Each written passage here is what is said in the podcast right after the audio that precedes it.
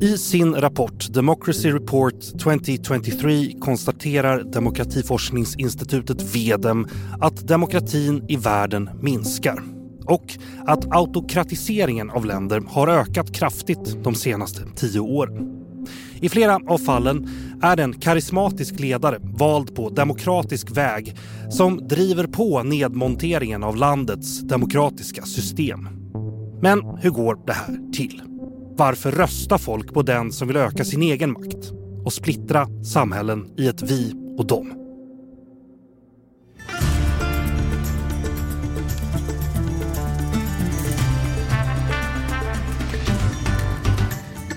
Du lyssnar på Utrikespolitiska institutets podd Utblick och jag heter Jonas Lövenberg.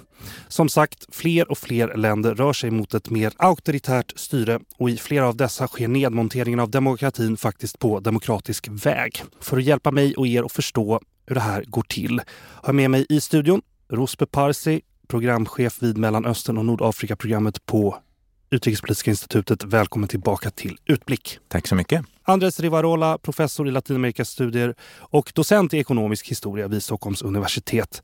Välkommen Andres. Tack, tack. Och med oss på länk hela vägen från Göteborg, Martin Lundstedt, forskare på Demokratiforskningsinstitutet VEDEM vid Göteborgs universitet.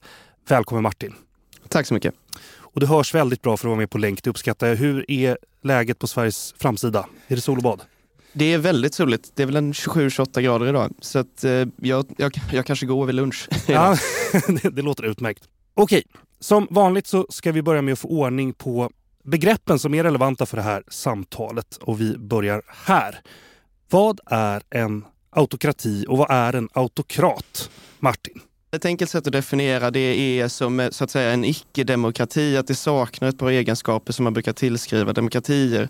Eh, den mest utmärkande grejen är att det saknar fria och rättvisa val. Då kan de fortfarande ha val, de kan vara allmänna, det kan vara allmän rösträtt, men de är inte fria och rättvisa. Eh, sen kan det också vara att de utöver det inte lever upp till bredare egenskaper hos en demokrati som en väldigt begränsad yttrandefrihet eller väldigt begränsat civilsamhälle och så. Men den mest utmärkande grejen är att valen inte är fria och rättvisa. Och vad är då autokratisering? För det kommer vi säga flera gånger. Det är egentligen alla processer där ett land går mer mot en autokrati och längre ifrån en demokrati. Så en autokrati kan autokratiseras. Ett exempel på det är Ryssland de senaste tio åren exempelvis. Det var inte en demokrati för tio år sedan, men den har blivit en värre autokrati. Så det har autokratiserats. Det kan också såklart ske i många demokratier, så som exempelvis Brasilien på senare år, eller Turkiet. Mm. Yes. Har ni något att säga om de här definitionerna mina herrar? Eller vi ska eh, också fråga vad demokrati är? Nej, Nej. inte än. Brett och bra. Brett och bra, okay. Och då är också frågan, vad är en demokrati? Även om vi alla kanske tycker vi känner till de här begreppen. Men vi ska reda ut det. Och som vi talar om i den här kontexten då, Rosberg, vad, vad är en demokrati? Jag tror framförallt vi måste skilja på en demokrati och en liberal demokrati. Ja, det vill säga, Vad är gamla grekiska stadsstater kunde vara demokratier för ytterst begränsat antal människor, ofta då män som hade en viss mängd egendom och man kunde ha slavar och så vidare. Det var ändå en demokrati i den mest grundläggande meningen. Medan en liberal demokrati, det som vi dagligdags pratar om som demokrati, det är ju ett system där de sakerna som, eh, som Martin nämnde inte finns i en autokrati finns. Men framförallt så finns det också regler för vad majoriteten får göra. Så det är alltså inte majoritetens diktatur helt enkelt. Det mm. finns fri och grundläggande rättigheter som alla har oavsett hur det går i valen. Och minoriteter har skydd av olika slag. Just det Martin, och vi kommer referera till er rapport som ni har skrivit här och det, det är väl mm. den liberala demokratin där som är demokratin vi pratar om, eller? Ja, det är ja. den vi fokuserar på i rapporten. Exakt. Vad finns det för missuppfattningar om de här begreppen då, Anders? Ja, allt är relativt till eh, där de definieras. Kommer, kommer gamla DDR, Deutsche Demokratische Republik, som inte finns längre. De, de använder ordet demokrati. Ja, it's in the title. It's in the title, exakt. Så att det, det är relativa saker. Jag håller helt med. Det finns en formell demokrati, det finns individuella politiska rättigheter. Sånt tycker vi är bra. Men sen finns de ekonomiska delarna. Om du kan uttrycka din åsikt men du svälter, är det då en del av det demokratiska? Alltså man vill ju ha lösningar på det. Vad är det grundläggande problemet? Så ibland är det så att den som kommer med den lösningen, den får ju företräde. Så att det är där vi hamnar på olika definitioner av det här. I Kina, i eh, vad det var, Sovjetlänkade republiker och så vidare. Så det, det är ett, eh, som alla begrepp är det en knepig beroende på plats och tid. I historien då? I vi. historien, ja. Och kanske man får lägga till, alltså det som blir lite lurigt när vi sitter i demokratier och pratar om demokratier, mm. det är ju också att de är nu så integrerade i vår självbild kulturellt av liksom hur vi beter oss. Det är en del av vår kultur så att säga. Och det luriga med det då är att den autokratisering som vi kommer att prata om i det här avsnittet, den sker ju ofta väldigt smygande och stegvis. Det vill säga att du, du kan på något vis tricket är att försöka få folk att behålla bilden av sig själv som levandes i någon form av demokrati. Medan institutionellt så gröper man hela tiden ut den. Men, och därav också frågan missuppfattningar. Och speciellt, har vi några missuppfattningar om, om vad demokrati är?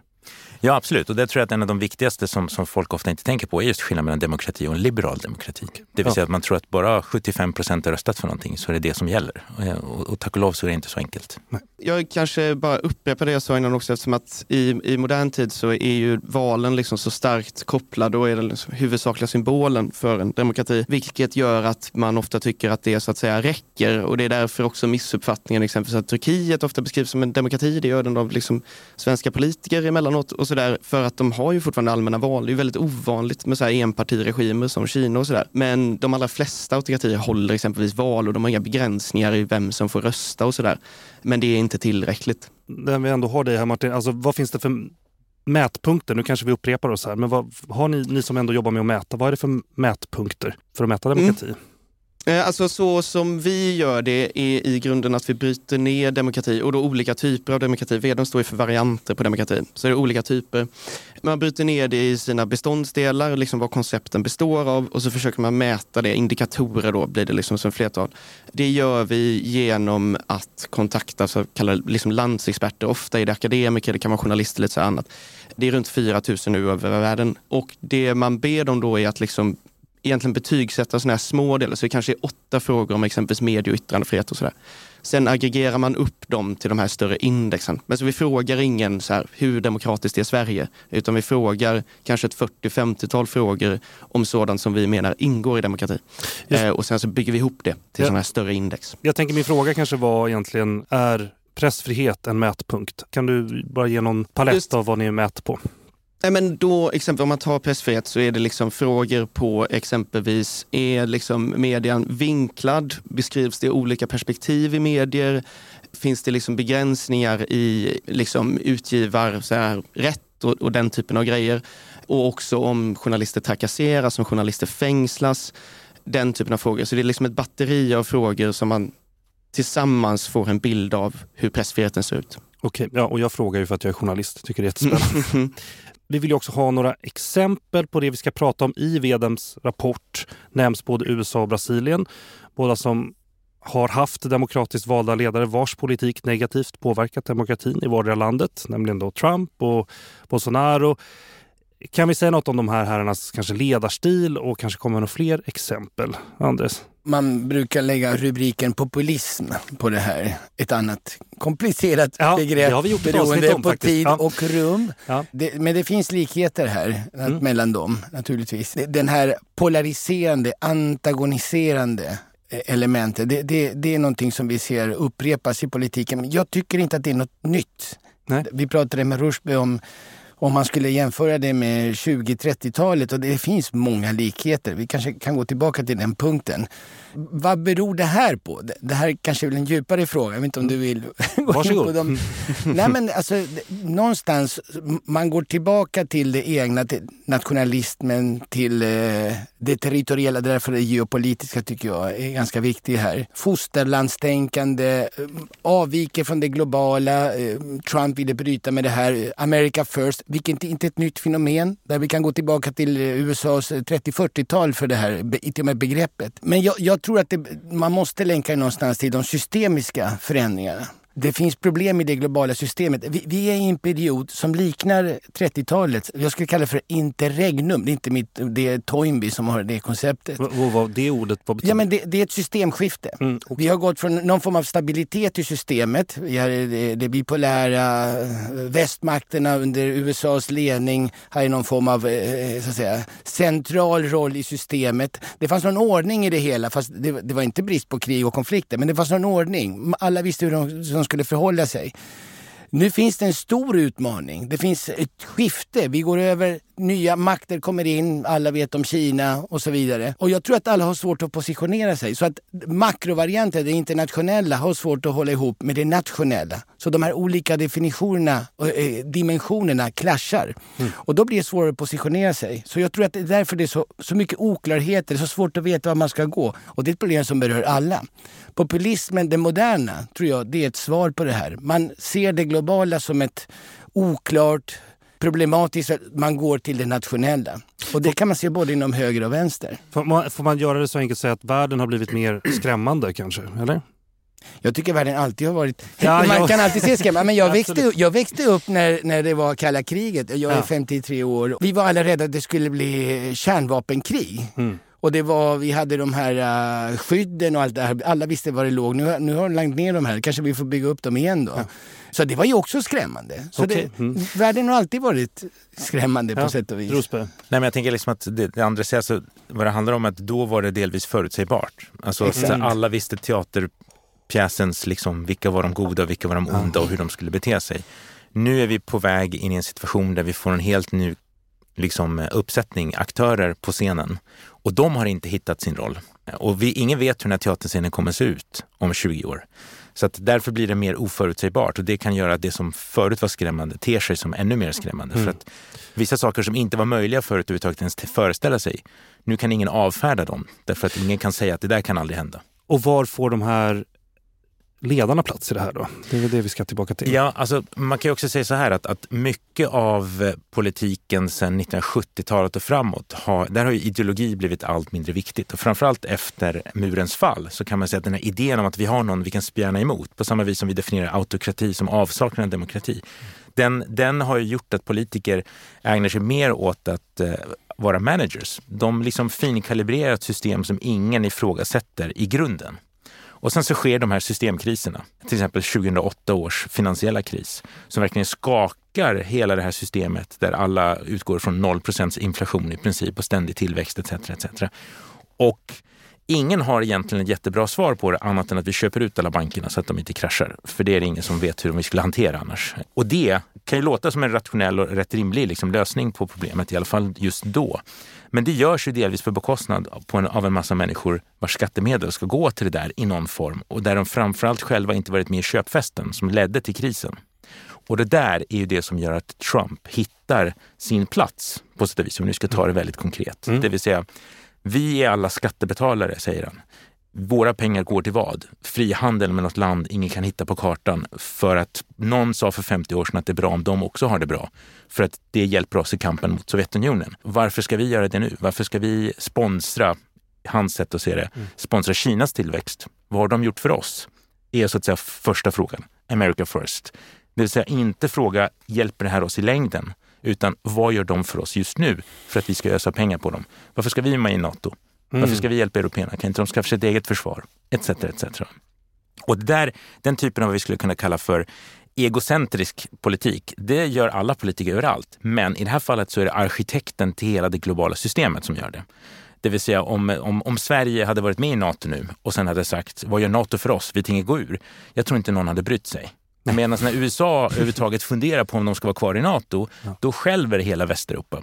Därför att NATO är grundbulten för europeisk militär säkerhet. Har vi några fler exempel då? Trump är ett uppenbart exempel här. Bolsonaro nämnde, det är väl, eh, det, autokratiseringen eh, galopperar väl iväg i menområdet som du har koll på eller? Absolut, alltså där är ju Turkiet som nämnts tidigare där Erdogan nu har vunnit val, eh, förvisso med, med delvis minskande marginaler i, nu i 20 års tid. Och när han inte har vunnit så har han krävt omval när det gäller borgmästarvalen i Istanbul bland annat till exempel. Så förlorade han det igen. Men bara det faktum att han kunde få valkommissionen att ta och be alla rösta en gång till för att han inte var nöjd med resultatet säger någonting. Jag får inte tala om de vid det här laget hundratusentals personer han har avskedat inom statsapparaten för att han anser att de inte är, är lojala eller suspekta och så vidare. Så han har ju verkligen varit en sån som som konsoliderat sin egen makt, delvis inom sin egen familj, men precis som vi varit inne på, behållit alla de formella institutionerna. Man har val, alla får rösta. Mm. Men det är där vi kommer in på demokrati som en process snarare än bara som en serie ritualer. Det vill säga om han äger alla tidningarna, i princip. Mm. Etc, etc. Vad spelar det då för roll när folk sen ska gå och lägga en, en röstsedel i en urna? De har ju så att säga preppats för att välja i en viss riktning i liksom, så fort valkampanjen började och långt innan den började. Ja, Martin, vad, vad, säger, vad säger ni om, om Turkiet på veden och pressfriheten? Ja, det, den är ju väldigt, väldigt låg och jag är helt med på här hur han uttrycker liksom den här, hur den här autokratiseringen går till, att man stryper det som gör liksom konkurrensen om den politiska makten möjlig även om liksom valen är kvar. Och just är det ju, det är framförallt de senaste tio åren den här utvecklingen har skett i Turkiet.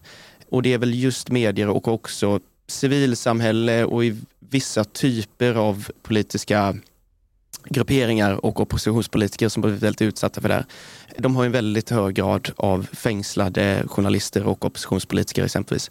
Så det är väl det är de områdena där det förvärrats mest i Turkiet och har varit en central komponent för att behålla makten för Erdogan. Jag bara tänkte att det finns ett annat exempel också, det är Israel. Mm. Eh, det som har hänt nu under våren i Israel, det är ju också delvis vad man säga, mellanpunkten i en lång process. Det är ingenting som händer liksom en blixt från en klar himmel. Men då ser vi alla de här klassiska dragen, det vill säga hur man manipulerar människors rädslor för, det vill säga politik handlar om vem du kan göra folk rädda för istället för att ha någon sorts positiv vision för vad vi ska ha istället. Mm. Det är den ena aspekten. Den andra aspekten är att så fort de kommer till makten nu i den här nya konstellationen som, som vann valet inom citattecken, vad de gör är att de kommer med en anstormning av lagändringar.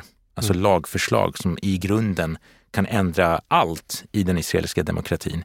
Och liksom att lägga baka ihop dem där och bara slänga in dem i parlamentet är ett sätt att liksom bara överväldiga alla. Erdogan gjorde likadant för tio år sedan. Vi kan gå tillbaka till mellankrigstiden för att se just hur när eh, både Mussolini och Hitler ska försöka göra om respektive land efter att ha vunnit val så handlar det väldigt mycket om att fortsätta säga att man är laglydig mm. men ändra lagarna så att de alltid är till ens favör.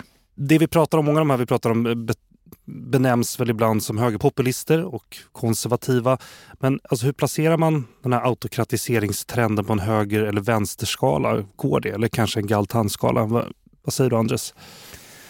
Jag har svårt för höger och vänsterskalan. Ja, det är bra, varsågod. eh, nej, men jag tycker det, det, det, ibland utgår man från en eh, här, svensk perspektiv och vi, ja. vad vi ser som höger och vänster och så förflyttar man till analys av andra länder och andra områden. Och, det, det håller inte. Det håller inte ens ibland med vår egen utrikespolitik. Alltså det, det finns ett, två dimensioner. Det är det nationella och det internationella eller det globala. Och det här i det globala, så det är en helt annan planhalva. Där, det är det fullt med exempel på det som på engelska kallas för strange bedfellows. Och, och, och, det är inte så att det här är ovanligt, det är normen. Ribbentrop, Stalinpakten, nazister och Sovjetunionen. Margaret Thatcher som är nära eh, vän och allierad till Pinochet Ja, du kan alltså, alltså, ha en demokrati och liberalismens kämpe i Europa och världen och så ändå stödja Augusto Pinochet som faktiskt också fick stöd från USA. Hur är det möjligt? Eh, pratar vi om demokratier, men då är det ju så att demokratier kan stödja diktaturer mm. som bryter mot mänskliga rättigheter. Det är inget nytt fenomen, det har ju hänt hela tiden.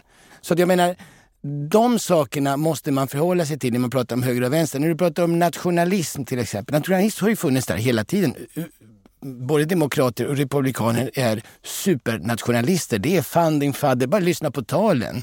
Och även Sverige. Det är som att vi har liksom inte haft nationalism i Sverige och nu kommer Sverigedemokraterna in och alla, alla tror att det, vi har blivit jättenationalister. Men folkhemmet, en av de mest lyckade konceptet under 2000-talet, det kommer inte från Socialdemokraterna. Eh, det drevs eh, i riksdagen bland annat av Rudolf Kjellén, uppfinnaren av geopolitik, som var med i Högerpartiet. Och folkhemmet är ett koncept som kommer från det konservativa hållet som socialdemokratin anpassade sig till ett annat innehåll, då eliminerar man klasskampen by the way, vilket var väldigt bra för deras projekt. Så det är också ett nation, nationalistiskt projekt. Ja, och socialdemokratin har ju också haft tydliga nationalistiska drag även i Sverige. Får man säga. Och, ja, absolut. Ja, ja. absolut. Eh, svenska modellen som man säljer ut och så vidare. Det, det, är en del av en bekräftelse av en egen bild eh, som stärker det nationella. Sen tog man ju bort, när man lämnade begreppet folkhem på, på 90-talet och det, där tog ju Sverigedemokraterna tog ju vid. De ja. började använda sig av folkhem. Det här är jättespännande. Men höger eller vänsterskala, vad du tycker om den? Går det att säga att det, att det hör till någon av sidorna eller är det en irrelevant fråga helt enkelt? Nej, men det är inte irrelevant. För att folk, folk har identitet kring det här. Mm. Så det är olika kontexter är det, är det här viktiga saker. Men sen, sen är det ju skillnad om man är konservativ eller höger i ett kontext, i ett industrialiserat land med de intressen eller om man tar ett u-land. Om vi tar Latinamerika som exempel, det är inte bara Perón, så kända populister i Latinamerika, de drev en industrialiseringsprojekt. De krockade mot de intressen i de, i de länderna som var, som var för frihandel och export av råvaror. Många gånger var det de som stod för kupperna, stödda av i-länder. Medan i Europa så stod de nationalistiska krafterna många gånger eh, på en helt... De, det var redan industrialiserade länder, i fallet Tyskland, i fallet Italien och så vidare. Så det, det är andra så att säga, intressegrupper som flyttar det ena och det andra. I, i Latinamerika hamnar många gånger nationalism och industrialisering på det som du skulle kalla för vänstersidan mm. och de andra då på höger. Fast de egentligen var stöds av liberaler. Och därför på det internationella planet så blir de här uh, strange bedfellows mm. som touchar Pinochet. Rosberg, du vill säga något om det här? Jag bara tänkte säga att alltså, det, det, handlar ju inte liksom att det skulle vara att den ena eller den andra sidan, om det nu finns två sidor, bara ja. har på något vis någon sorts copyright på, på vad man får göra. Däremot kan man väl säga historiskt skulle jag nog ändå hävda att de flesta statskupper och de flesta autokratiseringar av demokratiska system har ju skett från höger, alltså antingen militär eller i någon sorts allians, ofta med, med etablerade partier på högersidan som är konservativa, landägare, vad det nu är för någonting. Och där de här mer populistiska grupperingarna som kommer och som får den här ledaren som är den starke mannen mm. som faktiskt kan vinna ett val i någon form. Mm. De allierar sig med dem och tror att den här kraften som den här personen har lyckats kanalisera, den kan vi tämja. Så att menar, Benito Mussolini, Adolf Hitler och vad du vill, de hade ju liksom inte kommit till makten på egen hand. Nej. Det hade inte gått. Utan det krävs att någon som finns i etablissemanget tror att ah, här finns det liksom en kraft som inte är våran, som vi inte själva kan frammana.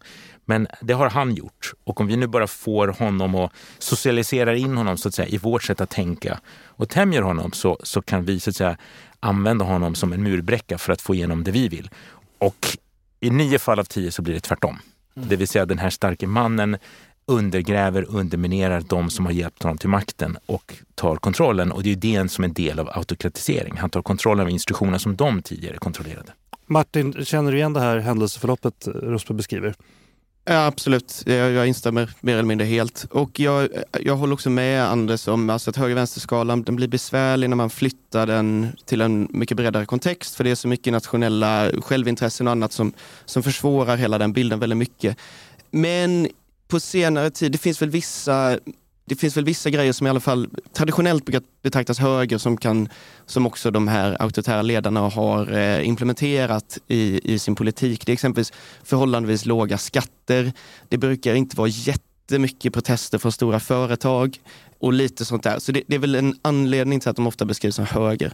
Sen vad gäller Galtan kan man ju kort säga bara, eh, om man gillar den skalan, att alltså TAN är ju traditionell auktoritär nationalistisk och där är det ju Triss. Liksom. Det är de Det är ju okay. en stor del av projektet.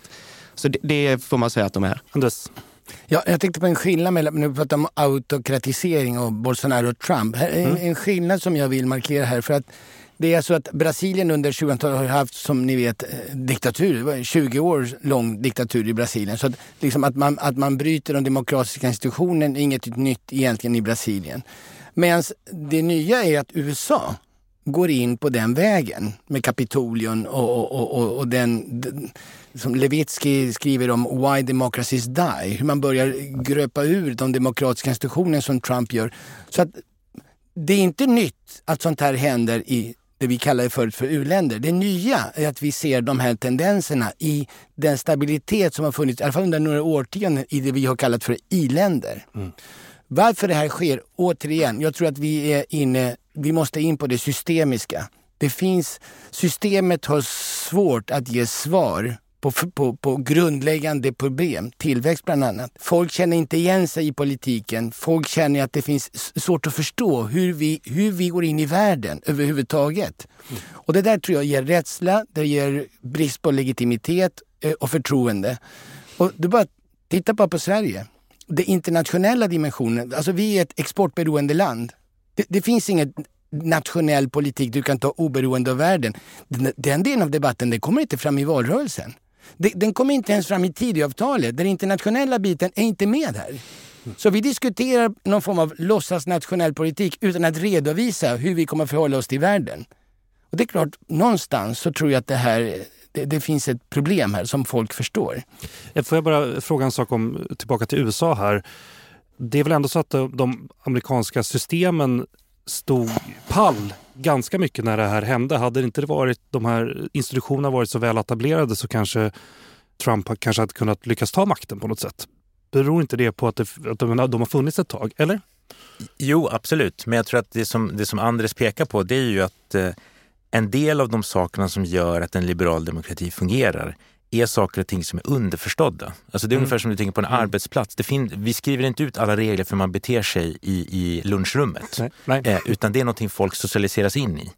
Och vad vi får med Trump är ju en person, och jag tror att han är bara en personifiering av någonting som kommer allt starkare, framförallt i Republikanska partiet. Det är ju en person som inte bryr sig om tidigare givna regler för hur man beter sig i lunchrummet. Och då blir det plötsligt klart hur fragilt egentligen den där sociala tilliten och freden i lunchrummet är.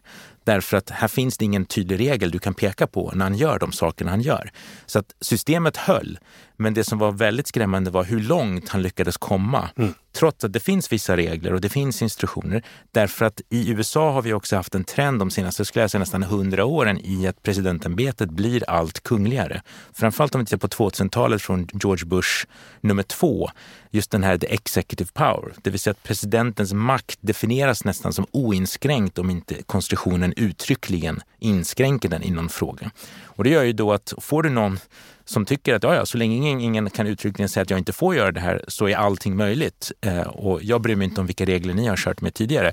Då har ju systemet rätt stora problem. Mm. Vi måste tuffa vidare här. Jag tänkte fråga, går det att använda demokratin mot sig själv? Andres, vill du svara på det? Ja, men det är klart. Det, det är ju det som är just den här boken How Democracy Dies, Stefan Levin, Steven Levinsky och Daniel Siblat som skriver om det här. Det är precis det de, de hävdar. Hur man med demokratiska medel kan börja avskaffa demokratin. Mm. Och det är lite det som vi har sett, det är det, lite det vi ser händer i det vi har kallat industrialisera i-länder, bara för att använda något begrepp som vi känner igen. Ja. Att, eh, men där måste jag ändå säga att eh, jag ska vara lite positiv här med det här med autokratiseringen. Lite som Hans Blix som skriver The End of Wars. Alltså, positiv utbildning. Det händer bra saker. Alltså i Latinamerika, det, det, just fallet Bolsonaro, det, det, som är intressant i USA, det är hur man börjar ifrågasätta den demokratiska institutionen och gör det som man gjorde nu i Kapitolium. Det som är intressant med Brasilien, det är att trots att många vill ta bort demokratin och göra samma sak, att de inte lyckades.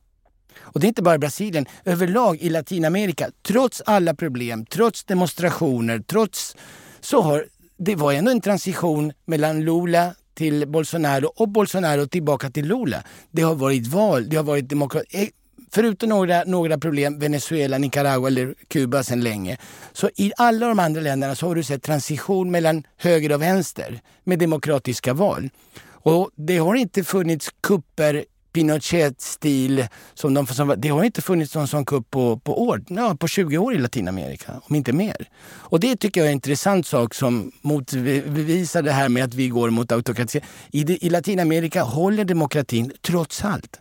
Och det, det är en bra sak tycker jag. Men, och de, förlåt, ja, när börjar du Rosberg? Nej, jag tänkte, jag vill inte heller vara den här jättenegativa personen, men jag håller med Andres, men jag tror att det, är väl, det som det luriga här då, det är just att vi kanske är förbi den åldern då demokratier dödas genom en statskupp med mm. stridsvagnar ja. på gatorna.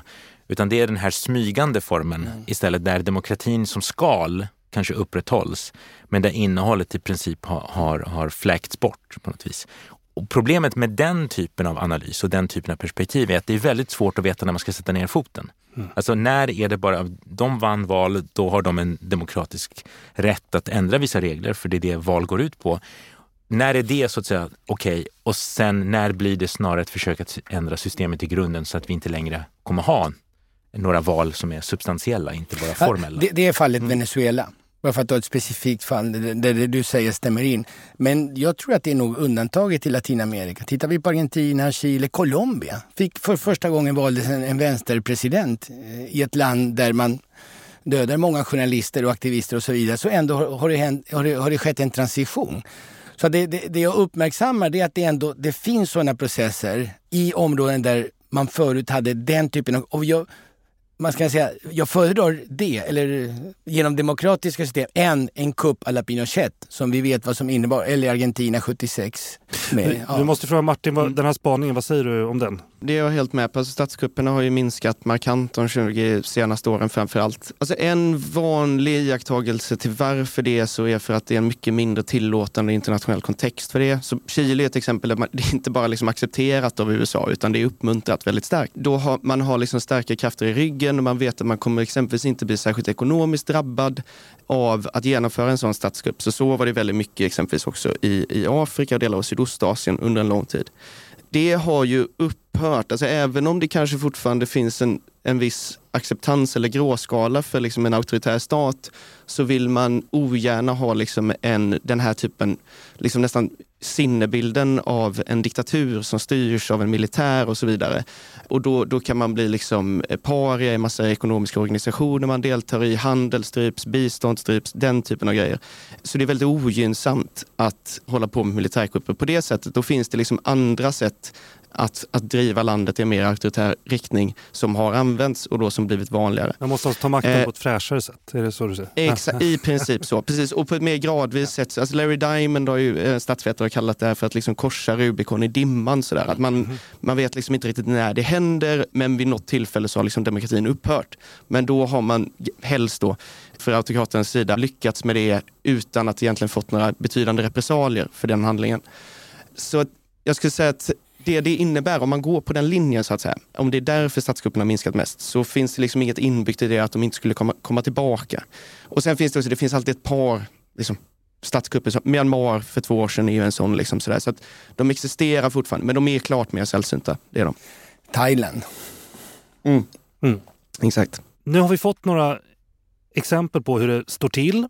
Men då undrar jag förstås, hur de här situationerna kan uppstå. Varför väljer medborgare att rösta fram parlament och ledare som tydligt vill koncentrera makten hos sig själv eller hos färre åtminstone och montera ner rättigheter för vissa grupper? Va, Andres, vad, vad tror du? Man vill ha lösningar. Mm. Man har problem. Kriminalitet, arbetslöshet. Eh, I Sverige har vi sett en, eh, en process under 90-talet och början 2000-talet där företag flyttar ut från landet. Förut var vissa småstäder beroende av en firma. De flyttade ut produktionen till Estland, till Asien, till Kina. Och det skapar ju problem och motstånd mot den här globaliseringen. Nu använder vi inte det ordet längre så mycket som, som på den tiden. Men då, då, då drev man ju på den här globaliseringsprocessen. Och det var ju många som såg det här som ett hot. Och det är en höger och vänsterrörelse. Grejen var att i början var det vänsterfolk, en ny värld är möjligt och Göteborgskravallerna, det var ju mot globaliseringsmotståndare. Det associerades till vänstern. Sen kommer Trump och andra och, och även SD kanske och är någon form av globaliseringsmotståndare och tar över vänstern på det sättet. Så det är en ganska intressant process och det är därför jag menar att höger och vänsterskalan blir problematisk här, för båda har samma problem med det globala. Och jag tror att folk har sett det här och bristen på lösningar kring de här frågorna. En eh, urgröpning av välfärdssystemet, det går ju inte att finansiera välfärdssystemet som förr. Och, så. och då kommer de här populistiska ledarna. När systemet fallerar, när det inte finns svar, då kommer de här enkla svaren. Det är, invandrarnas, det är invandring som är problemet det är, och så vidare. Och, och det där lockar. Men för jag menar, vi gjorde ett avsnitt om populism, du och jag Rospe, med några andra trevliga gäster också. Men då frågade jag, vet inte folk att Folk vet ju att Trump ljuger, om Trump nu får vara exemplet. Varför röstar man på någon som uppenbarligen står och ljuger och inte ens skäms för det? Det är frågan. Ja, fast det kan man ju säga det här handlar ju delvis, som Anders är inne på, det handlar om den här alienationen från den så kallade eliten. Och, menar, det finns en politisk elit, så det är inte att det hittar på. Men, men, det, men pådyvlar den här eliten en massa olika saker, framförallt kanske också en massa ansvar för saker och ting. Och då kan man säga, är man en politisk elit så har man ju ett visst ansvar även om man inte alltid rår över allting som, som händer i världen. Och det är det här systemiska som jag tror är också parallellen till mellankrigstiden. Det vill säga att mm. vi går igenom en, en period där saker och ting förändras. Ingen vet riktigt vilka regler som kommer gälla i framtiden och de etablerade partierna förhåller sig enbart till sedan tidigare givna så kallade sanningar om hur man ska lösa det här. Och det står sig slätt gentemot de här systemiska förändringarna som, som kräver att man tänker annorlunda. Och vad populisterna gör är att de har inget svar som andra är inne på. De har eh, möjligtvis eh, säga att det är någons fel och så pekar de åt något håll, mm. gärna mot någon grupp som redan ligger illa till. så att säga. Men framförallt vad jag tror att de gör, det ser vi parallellen till, till mellankrigstiden, det är att de förmedlar en känsla och en förmåga av att ha kraften att handla. Mm. De kan säga vi gör saker och ting. Om så det är bara ett fackeltåg så gör vi det varje fredag. Eh, och vi samlar alla människor och, och vi går i räta led och vi visar att vi kan. Och det blir då en jättefin propagandakontrast mot de här som säger å ena sidan och å andra sidan och inte har något svar, vad det nu kan, kan bero på. Därför att de sitter fast i de systemen de själva hjälpt till att bygga upp som nu håller på att fallera. Och det, det är en enorm skjuts. Mm. Och man ska inte underskatta det. Alltså att folk vill ha någon som säger att jag har en lösning och den bygger delvis på att sopa ut allt det här gamla sklerotiska korrupta som de andra har skott sig på i 40 år eller 50 år eller vad det nu kan vara. Ja. Det tilltalar många människor. Och då tror jag den känslan är viktigare än huruvida personen har rätt i sak, de sällan har, och framförallt om den personen själv visar sig vara lika korrupt. Det spelar ingen roll. Jag kommer ihåg när Berlusconi blev vald, då sa folk ja men han är så rik så han kommer inte stjäla från staten som de andra. Mm. Om vi tittar på valet i Turkiet så Erdogan betraktas väl som den här karismatiska talaren som kan liksom tala till folket medan eh, Kemal, jag har svårt att uttala hans efternamn, kan du det? Kilicdaroglu. Just det. Betraktades väl som en ganska tyst och tillbakadragen person i kontrast. Liksom. Och är det då en, en stor del av varför Alltså hur viktigt är det? Det är viktigt därför att vi lever fortfarande i det som då delvis uppfinns på 1800-talet, framför på 1900-talets början. Och det är masspolitik. Så vi har ju José eh, eh, eh, Ortega i Gasset och vi har Elias Canetti och de här som skriver om detta med massan. Vad händer när vi får allmän rösträtt? Vad är det som gör människor till säga, rationellt tänkande potentiella väljare. En god demokratisk agent. Precis. Och, och, och, vad händer då när det visar sig att det lika mycket handlar, precis som på den gamla grekiska tiden, om teater? Det handlar om vem som kan sälja in någonting. Och då var det liksom radio, det var dagstidningar och att kunna samla hundratusen människor i en stadion och tala. Och nu har vi sociala medier och andra sådana saker som går runt, springer runt allt vad dagstidningarna gör. Därför det ger dig tio sekunder rakt i magen.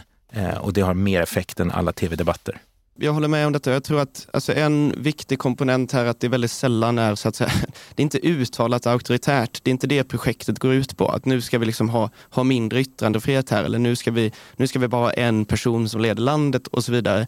Utan det är snarare ett sammanhang där, där man också, med liksom väldigt mycket polarisering och desinformation och den typen av grejer, så tillskriver man alla motståndarsidor massa egenskaper de inte har. Man bygger in massa rädsla. Det är den här det är liksom underliggande strukturell osäkerhet från, från inte minst liksom galopperande ekonomisk ojämlikhet de senaste 40 åren i mer eller mindre alla länder. Det här rör sig om stagnerande tillväxtnivåer som vi sagt innan, också sånt här som jag tror det, liksom, det här har bubblat ett tag och det är, liksom, det, det, är ett resultat av de, de här ledarna och individerna är viktiga men de drar nytta av ett sammanhang som är mycket större än dem och som de inte kan kontrollera. Vi pratar ju lite om det här nu men flera av de här ledarna använder ju retorik och ett maner då som, som går att känna igen rent historiskt som ni alla har påpekat där. Jag måste fråga, glömmer man historien så lätt också eller? V vad säger du? Nej, politiker använder historien. Om de är smarta så gör de det. De uppfinner till och med historien. Det kanske är vår roll som akademiker att se till att de inte gör det och, och, och, få dem att komma ihåg vad olika saker egentligen var eller var de kommer ifrån. Så att man kan då försöka sålla mellan vad som är uppfinning och vad som verkligen har varit. Men, men eh, en sak, jag måste bara komma tillbaka till den här visst. punkten kring 2030. Eh, en stor skillnad mot idag, på tal om uppfinningar, det, det, det på sätt och vis i västvärlden, och det måste, man måste skilja på västvärlden och till exempel Kina. Det är en helt annan situation man ser där och det kanske vi kan gå tillbaka till.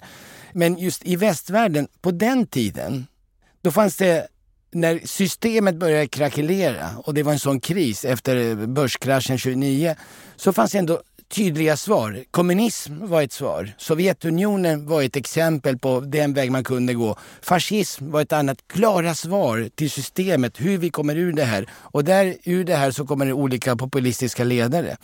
Idag, en skillnad mot det här, vi har inte så klara svar. Ingen av de här rörelserna, om det är Berlusconi, Trump eller Bolsonaro, har systemet säga hit kan vi gå. Det här kommer bli bättre långsiktigt. Och det är det problem vi har i väst just nu. Demokratierna kan inte heller göra det här alternativet långsiktigt peka ut vad vägen kan vara. Och det är därför vi, vi har så svårt att, det är därför jag tror att folk upplever det här som så skrämmande. Och då kommer de här enkla svaren, eller religiösa svar. Islamiska staten kanske är ett sånt svar. Man går tillbaka till civilisationstänkande. Och det är vad kineserna gör, om vi tar på den punkten. De tänker inte i termer av nationsstat, de tänker i termer av civilisation. Det är en helt annan nivå på det hela. Ja, jag, menar, och jag skulle i alla fall hävda att det har ju delvis att göra med att vi inte längre har ideologiska debatter i den här djupare meningen. Så det går inte att generera Nej. övergripande visioner eller svar eh, därför att ingen tänker i sådana termer. Utan det är just detta, vad kan vi göra den här mandatperioden med den här lilla skattesatsen som vi varierar en halv procent? Och, och kommer man då med problem som är mer på 50 och 100 procent skalan, då är de här halva procenten här eller där, det är inte ett svar. Nej. När man tänker på det att vi glömmer historien så är det det man ofta så implicerar är 20-30-talet och Europa. Och då sen länder som sedan efter andra världskriget inte varit någon typ av auktoritär stat. Men många av de här länderna som det här rör sig om, och det har vi lite berört innan, har en mycket senare erfarenhet av, av diktatur. Som Brasilien, militärdiktaturen tar slut 86-87, det är samma med Turkiet på 80-talet. Ungern och Polen är ju liksom fram till efter Sovjets fall. Det här är ju väldigt många som lever i de här länderna har ju ett aktivt minne av det här och det är en del av det kollektiva minnet. Och en då så sker det här. Och man behöver inte nödvändigtvis tänka, på grund av att autokratiseringen också har egenskaper som inte är alls lika, framförallt inte militärdiktaturer, så behöv, det behöver inte alls vara så att väljare ser de två olika typerna av autokratier som två sidor av ett mynt så att säga, utan att man tänker att Bolsonaros politik har ingenting att göra kanske med militärdiktatur. Sen så finns det massa paralleller, han älskade ju den militärdiktaturen förvisso, det var ett dåligt exempel. Men, men alltså den grejen att man behöver inte nödvändigtvis koppla ihop det på samma sätt som att vi ska, vi ska återgå till en typ av diktatur vi varit det behöver inte vara det, utan man ska göra något annat. Så. Också det, framåtrörelse, man ska till något nytt snarare än det här stagnerande som demokratierna då på många sätt basar över som vi pratat om. Men det var inte dåligt, det var ett bra exempel tycker jag. ja, men faktiskt, mm. ja, men just därför, en anledning till att Bolsonaro inte kanske kan driva dit han önskar mot en ny auktoritär regim, det är att folk har minnet av diktatursperioderna. Det, det är en stor skillnad mot... Nu upplevde man de här regimerna hemsk, alla hemska saker, försvinnande, tortyr, massiv tortyrapparat, brott mot mänskliga rättigheter. Och folk vill inte gå tillbaka till det. Och det tror jag är en av faktorerna som gör att trots allt så är demokratin, har demokratin varit ganska resilient i de flesta latinamerikanska staterna. Jag vet inte, jag kanske är som sagt en, en, en dystopisk historiker. Varsågod. Men, men jag, jag, kan kanske ibland tycka att minnet ändå är relativt kort. Men jag tror att det är som sagt, det beror också på vilka länder man tittar på. Jag menar, Sverige är kanske ett extremexempel i att folk har väldigt dålig liksom, historisk referensram. Jag kan tycka liksom att det, vi har gjort artiklar och sådana saker om att det är 20 år sedan liksom, invasionen av Irak och ibland framstår det som det ancient history liksom, och ingen, ingen kan dra några paralleller till nutiden. Och en podd ni borde lyssna på som vi också gjort. Ja, ja mm. och, och, det kan jag tycka är rätt, rätt bisarrt ärligt talat. Jag måste fråga en sak om Sverige här som jag tycker är spännande. Är det för att staten Sverige som vi tänker oss, eller landet Sverige, har inte, det är inget som har stått på spel ordentligt på länge? Är det därför vi i Sverige också glömmer historien? Ja, jag tror det, lite grann. Alltså, jag menar, bara en sån sak som att jag menar, eh, fredsstilleståndet efter första världskriget är i många länder en helgdag mm. i Europa. Och självfallet också efter andra världskriget. Alltså både november och maj i Europa. Medan i Sverige så, så det är inte ens en helgdag. Det är ingen som ens, Jag alltså, nej, det är ingen som ens tänker på att andra världskriget tar slut 8 maj ungefär. Va? Mm. Eller att fredsstilleståndet, i, i vapenstilleståndet efter första världskriget är 11 november. Mm. Medan i många delar av Europa så är det, åtminstone det, är någonting som alla håller koll på. Mm. Och jag tror att det gör, det gör att det finns en historisk skillnad. Jag känner människor vars far och morföräldrar mer eller mindre svalt ihjäl i Belgien under andra världskriget. Det är liksom inte så många generationer tillbaka så att det krävs ett National Geographic avsnitt för att man ska liksom kunna ta till sig det. För det första håller jag med om det, alltså som, som själv uppvuxen här, så jag minns jag var i, jag var i Amsterdam för ett par år sedan och det råkade vara 8 maj, det hade inte jag koll på. Och så på kvällen när jag var på en restaurang så ställde sig folk upp och applåderade under en minut och jag fattade inte vad de höll på med. För att jag liksom ingen, ingen relation till, jag tänkte inte på att det var det datumet liksom, överhuvudtaget. Som ett exempel på den historielösheten. Men jag tror med Sverige, så att en viktig grej som vi har haft är att vi har väl haft den, den kanske mest framgångsrika välfärdsstatsprojektet som, som prövats. Det har byggt en väldigt stark strukturell grund för ganska lite, i alla fall ekonomiskt rotat missnöje. Det har också varit så här att liksom introduktionen av exempelvis kvinnor i arbetsplatsen och sånt där gick ganska bra. Det innebar inte ett sånt här väldigt stort, väldigt omskakande kulturkrig utan snarare det var, det var slitningar men det liksom skedde den typen av grejer. Så att den, det ekonomiska tillståndet för de flesta människor, de flesta hushåll har varit ganska starkt. Fram till en punkt där det här inte, ja, där det sedermera monterades ner delvis, eller i alla fall inte fortsatte byggas ut. Det har gjort att vi har varit mer skyddade också tror jag. Men det betyder ju inte att liksom man blir det framåt. Och det finns också en extra dimension av att man, man jämför ju bara själv med vad man är van vid. Så vi kan ju fortfarande ha en väldigt mycket bättre välfärdsstat än ett annat land, men ha väldigt mycket mer missnöje för den är sämre än den var. Mm. mm. Och där kan man säga att också historielösheten gör att folk kanske tror eller har, har en självbild av att den här välfärdsstaten finns i vissa avseenden där den inte längre finns. Det vill säga att jag tror att om, om 50 år så kommer vi titta på den här nedmonteringen under 1990-talet på ett helt annat sätt. Därför att den, mm. den ger nya strukturella mm. så att säga, förutsättningar eller snarare skapar avsaknaden av mm. ekonomiska strukturella förutsättningar för social fred. Därför det ska man inte heller glömma bort. Att, jag menar, det vi pratar om som demokrati, just de här oskrivna reglerna, så den bygger ju delvis också på att det finns någon form av ekonomisk vad ska säga, framtidstro. Man kan liksom inte betala sin hyra med sin röstsedel utan någonstans måste det finnas en ekonomisk grund som gör att människor tror att, att det här kan gå bra. Det behöver inte bli bättre, men det kan gå bra. Och då blir också den, den politiska delen av det hanterbarare. Jag har en sak jag måste fråga som vi kan försöka svara kort på som vi också tog upp när vi pratade om populism här. Teknikutvecklingen då? Hur bidrar den till möjligheten att autokratisera? Om man ska ställa frågan så. Martin, vad säger du? jag kan säga något väldigt kort. Alltså det, det, är, det är väldigt svåröverblickbart. Delvis för att det är nytt men också för att det är så omfattande. Det påverkar liksom människors sätt att, att kommunicera och inte minst delta liksom i samhället. Och liksom vidden av effekt det har på demokratin är tanken väldigt mycket är liksom en, alltså ett deltagande i samhället i stort är, är väldigt svårt. Men vad man kan säga i alla fall, som är tydligt, är att det har varit ett väldigt bra medel för att eh, bedriva polarisering och desinformation. Det har varit väldigt effektivt för det på ett sätt som hade varit mycket, mycket svårare under exempelvis bara, om man bara traditionella medier. Så på det sättet har det haft en stor effekt just för att polarisering och desinformation har varit viktigt under de här autokratiseringsprocesserna. De flesta Just det, det är väl en av slutsatserna i er rapport också att det är två komponenter för autokratisering. Va? Mm, det stämmer. Ja. Tyvärr så har vi ett stort krig i Europa. Hur påverkar det pågående kriget eh, politiska sympatier för eller mot demokrati, tror ni? Andres, vad säger du? Var någonstans i världen? Ja, ja, det är ju naturligt, men Ukraina vänder sig mer mot Europa och från att ha kanske inte varit den fräschaste demokratin, alltså ur våran liberala demokrati glasögon som vi har i Europa eller i EU har de ju börjat närma sig hur vi tycker att en demokrati ska mm. se ut. Påverkar det bilden av det här i stort, tror du? Ja, men det är en bra punkt, för det tar oss till precis i början av ja. det här samtalet. Ja, just. just definitionen på demokrati och hur ja. man kan se det här på olika, i olika delar av världen. Mm. Jag tror att här i, i, i, Västeuropa så har det ju förstärkt synen på demokrati. Alltså, det här har blivit som någon, det här byggs upp då bilden av kampen mot demokratier mot eh, auktoritära Ryssland. Ja. Men du ser att i andra delar av världen så ser man det här på andra sätt. De säger att, eh, jaha, okej, okay, ett krig i Europa. Vi har haft massa krig i Afrika och i Asien.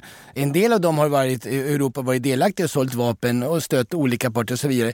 Varför ska vi prioritera det här kriget mot Ryssland? Vi har intressen i handeln med, Ryssland. Med Ryssland. Varför ska vi följa Europas så att säga, prioriteringar i det här fallet? Och då kommer de här antikoloniala argumenten fram. Jaha, demokratier. För fem minuter sedan hade ni, var ni kolonialmakten här och gjorde massa brott mot mänskliga rättigheter. Och nu ska ni begära av oss att vi ska ta ställning för en demokrati när det går mot våra ekonomiska intressen. Du ser, det där. Man måste se saker ur olika synvinklar och det är, så, det är därför det är komplicerat i det globala. Och mm. också synen på demokrati och det här kriget är komplicerat.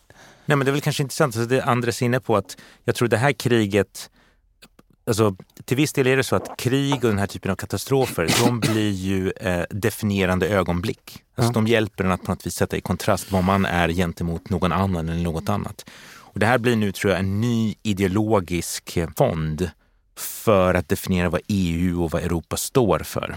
Vi står för regelbaserat internationellt system etc. etc. Och sen som andra säger, det krävs inte många historieböcker för att kunna slå hål på en del av de där sakerna. Liksom. Men, men ändå, det är ett ideal och man, man anser att man nu står upp för det här idealet. Medan i andra delar av världen så läser man inte konflikten ideologiskt, utan man läser den som en realpolitisk konflikt. Och då är frågan, vad kostar det oss att ta ställning och varför skulle vi ta ställning? Och för vad tar vi då ställning?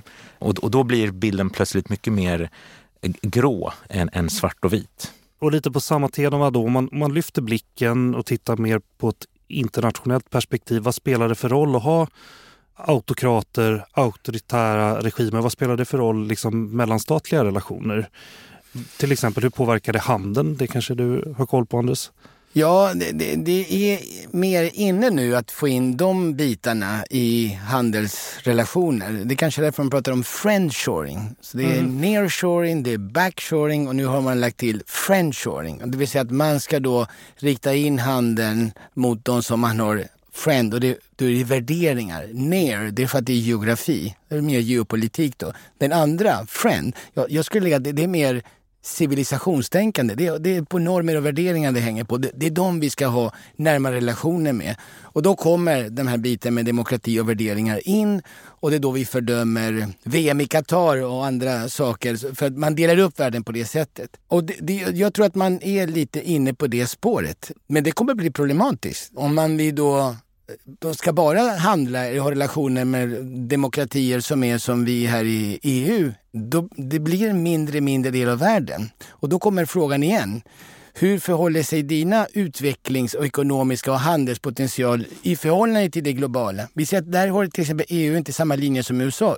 EU vill inte följa samma Kina avståndstagande som USA gör.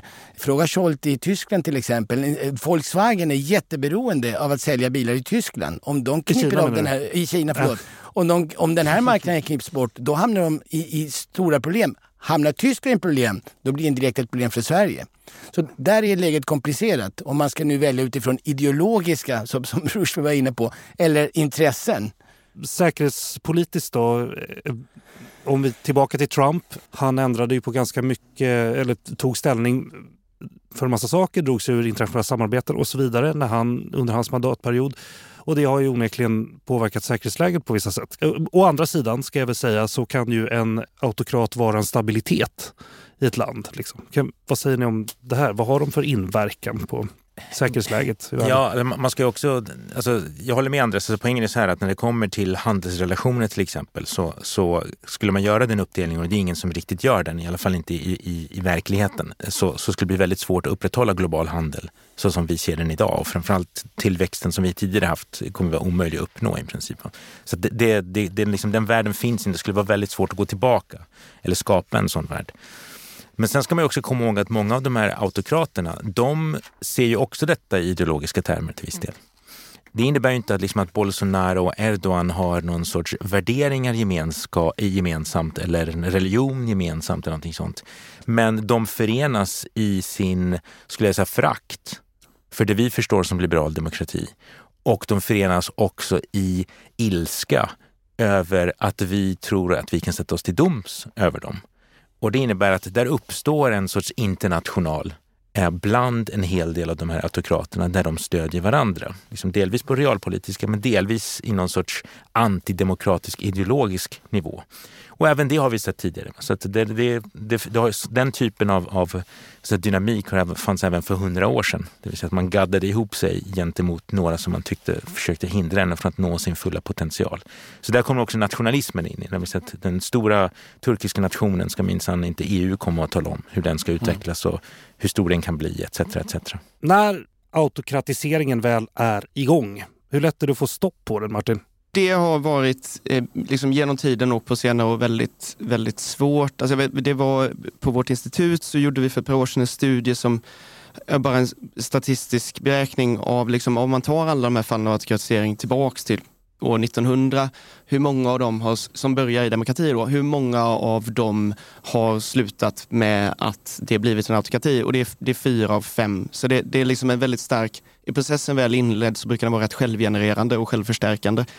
Det man väl kan säga är att det på senare år varit ett par fall, alltså alldeles nyligen, där man lyckats vända sådana här trender. Vi pratar, I den här rapporten pratar vi exempelvis om åtta sådana, men det är exempelvis Zambia, Sydkorea, Slovenien i några av de länderna där man haft en autokratiserande process. Man har haft en så här ledare, ett parti som försökt dra det här landet i en mindre demokratisk riktning. I fall som Zambia, kraftigt mindre demokratisk riktning. Men man sedermera lyckats avsätta de här och inte då bara så att säga stannat och platåat som man kanske skulle kunna säga att, kanske, eller det är för tidigt att säga med Brasilien, men det är oklart om den liksom kommer studsa upp Brasilien eller om det kanske kommer stanna på något sånt läge där det, där det liksom varit, om man tänker en grafterm då med platå. Mm. Men att de här länderna, exempelvis Zambia, återgått till att varit i princip som landet var innan den här autokratiseringsprocessen inleddes för en sex år sedan. Så det finns ett par väldigt nyliga exempel på det här. Men generellt talat så är det är väldigt svårt att stoppa om det väl inletts. Det är skillnad på de länder som har en historia av demokratiska institutioner och de som inte har det. För de som har det, och då pratar vi framförallt länder i väst, ta Indien också, ett intressant fall. Mm, Men eh, för de som har det så skulle eh, jag skulle nog gå till eh, en av Steven Levitskys råd. Det är att om du ändå är liberal och för demokrati, och liberal kan vara höger och vänster, men för liberala, det som Rosberg tog upp i början, avvik inte från vägen. Finns det demokratiska institutioner du kan ta till, gå använd dem och inte falla tillbaka. Och de ger ett exempel, just Venezuela 2000, 2003, oppositionen mot Chavez gjorde en kupp. Det, det mm. gjorde så att den auktoritära tendensen hos Chavez gick rakt mot det som nu är Maduro. Och det där var ett jättemisstag och det, med viss stöd från USA faktiskt. Därför att de ville bli av med Chavez. Så att avvik inte, respektera, urholka inte de demokratiska institutionerna. De måste vara heliga och det, det tror jag är en jättebra råd från Levitskis för att undvika att demokratier dödar sig själva. Jag håller med. Alltså att det, är, de, det vi bara titta på några sådana här faktorer som varit viktiga i de här länderna. Och det är liksom storskalig mobilisering, alltså fredliga protester, att domstolar agerar så oberoende de kan och försöker upprätthålla lagar och konstitutioner, sånt man bara avtalat sedan tidigare. Eh, att man har en enad opposition som försöker, liksom via fredliga och lagliga vägar försöker återta makten och inte minst att man utnyttjar valen för att mobilisera. Nästan alla av de här har blivit avsatta via val och i Sydkorea var det ett, ett misstroendevotum så det var också den så att säga, parlamentariska vägen. Så i de här fallen stämmer också den mer generella läxan. Jag, jag har, har, inga så att säga, bra argument mot det. Jag tycker det låter vettigt. Men samtidigt så måste man ju då fråga sig, finns det då inte en brytpunkt som är väldigt svår att förutsäga i förväg? Det vill säga en punkt där, man, där de har undergrävt demokratin så mycket så att den inte går att rädda med demokratiska medel. Och det är ju en extremt svår fråga att ställa för den väldigt, det, du, du, kan nästan inte veta när den brytpunkten har varit förrän det är för sent. Det dimmiga Rubicon. Mm, precis, så att, mm. då blir det liksom en fråga om accelererar du autokratisering genom att själv ta till sådana medel i namnet av att försöka rädda demokratin? Eller är det verkligen så att det här var sista ögonblicket och om du inte hade spelat fult också så hade vi hamnat i en så att säga, total auktoritärt system. Min nästa fråga var faktiskt vad går det att göra för att förebygga autokratisering? Men det kanske är det vi har svarat på nu. Eller har vi några fler tips? Tio, Nej, tio tips mot autokratisering. Vad säger du Rosberg? Nej, men jag bara tänker så här, en, en, sak som vi brukar glömma bort och som också glöms bort medialt och som generellt, det, det är ju lokal politik. Mm. Alltså jag tror att vad som händer ofta är att vi tänker nationell politik, vi tänker riksplanet, vi tänker globalt och allt det där är jätteviktigt och, och så vidare. Men de flesta människors faktiska liv som sen kan trigga dem i olika riktningar i, i nationella val, det är ju vad som händer på det lokala planet. Och vi, vi tenderar att ofta glömma bort, även om för att lokalpolitik känns tråkigt, och det är det säkert till viss del, men det är oftast där, det är så att säga, i Sverige är det kommunerna som avgör hur ditt liv ser ut, mycket mer än, än liksom regeringen. Och det är där som många partier som kan bli populistiska börjar också. Men, men det är ingen som tänker på det ofta tycker jag. Hörrni, avslutningsvis då, vad ska vi hålla koll på framåt på det här området? Är det några stora händelser eh, som gör att ett land kan svänga åt det ena eller andra hållet? Har vi, ja, vad, vad ska vi hålla koll på? Anders? Jag tittar mycket på ekonomin. Mm. Eh, det är ju så att när också krisen, 30-talet och så vidare, när ekonomin går ner, då blir det motiv för protester. När systemet inte kan upprätthålla en viss ordning och ibland måste man betala för den ordningen.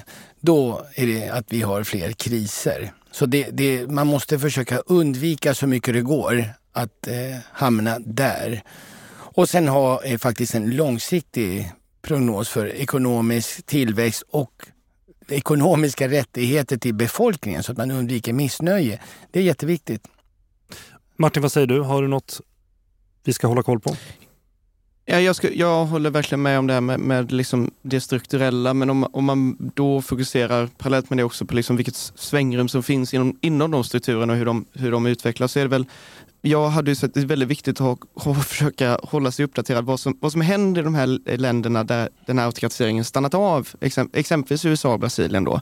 Det har stannat för närvarande, men är det så, har det liksom lagts en grund nu för att kanske då återgå till där man var för, för tio år sedan? Eller är det så bundet vid liksom strukturell instabilitet här nu, att det här är bara en paus från något som kommer återkomma? Kommer exempelvis då Trump bli omvald, eller DeSantis, eller någon tredje som motsvarar dem? Eller finns det liksom vägar ut ur det här? Så kommer det här i efterhand vara liksom en passus eller kommer det bara vara början på en mycket längre historia där exempelvis då Biden, om man tar USA, är en passus. Det tycker jag är väldigt intressant och viktigt att titta mm. på framöver. Spännande. Ruspe, vad säger du? Vad håller vi koll på? Nej, men jag, jag håller med om det där, för jag tror att det som så, så att säga, behövs för att komplettera det strukturella är det kulturella. Det vill säga när vi tittar i USA, och det vet vi från tidigare val, både på liksom delstatsnivå och även i andra länder, det är att folk röstar inte utifrån vad vi skulle säga deras objektiva intressen, i den mån sådana går att fastställa. Mm. Utan de röstar ju väldigt mycket utifrån vad som triggar dem emotionellt och kulturellt. Det vill säga om du har en story som resonerar, som så säga, har en, en, resonans hos de här personerna, så kan de rösta mot vad som skulle vara deras uppenbara ekonomiska intressen. Mm. Och, och, det tror jag är väldigt viktigt, liksom, att, att den där kulturella biten, det som brukar kallas för culture wars nu, att det får en kraft i sig själv och kan bli delvis determinerande oavsett att vi så att säga, håller fast vid institutionerna. Om de som sitter i institutionerna fortfarande tänker att vi är vänner och fiender, vi är inte båda medborgare, då, då står sig institutionerna slätt i längden. Ruspe Parsi, programchef vid Mellanöstern och Nordafrika-programmet på UI. Andres Rivarola, professor i latinamerikastudier och docent i ekonomisk historia vid Stockholms universitet. Martin Lundstedt, forskare vid Vedem i Göteborg. Tack för att ni kom allihop.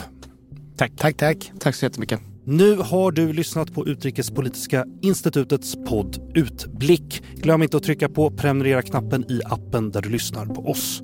Om du vill veta mer om UIs forskning och omvärldsbevakning, titta in på ui.se. Vill du läsa Vedams rapport Democracy Report 2023, knacka in v-dem.net så finns den där. Vår vignett är komponerad av Friden Frid.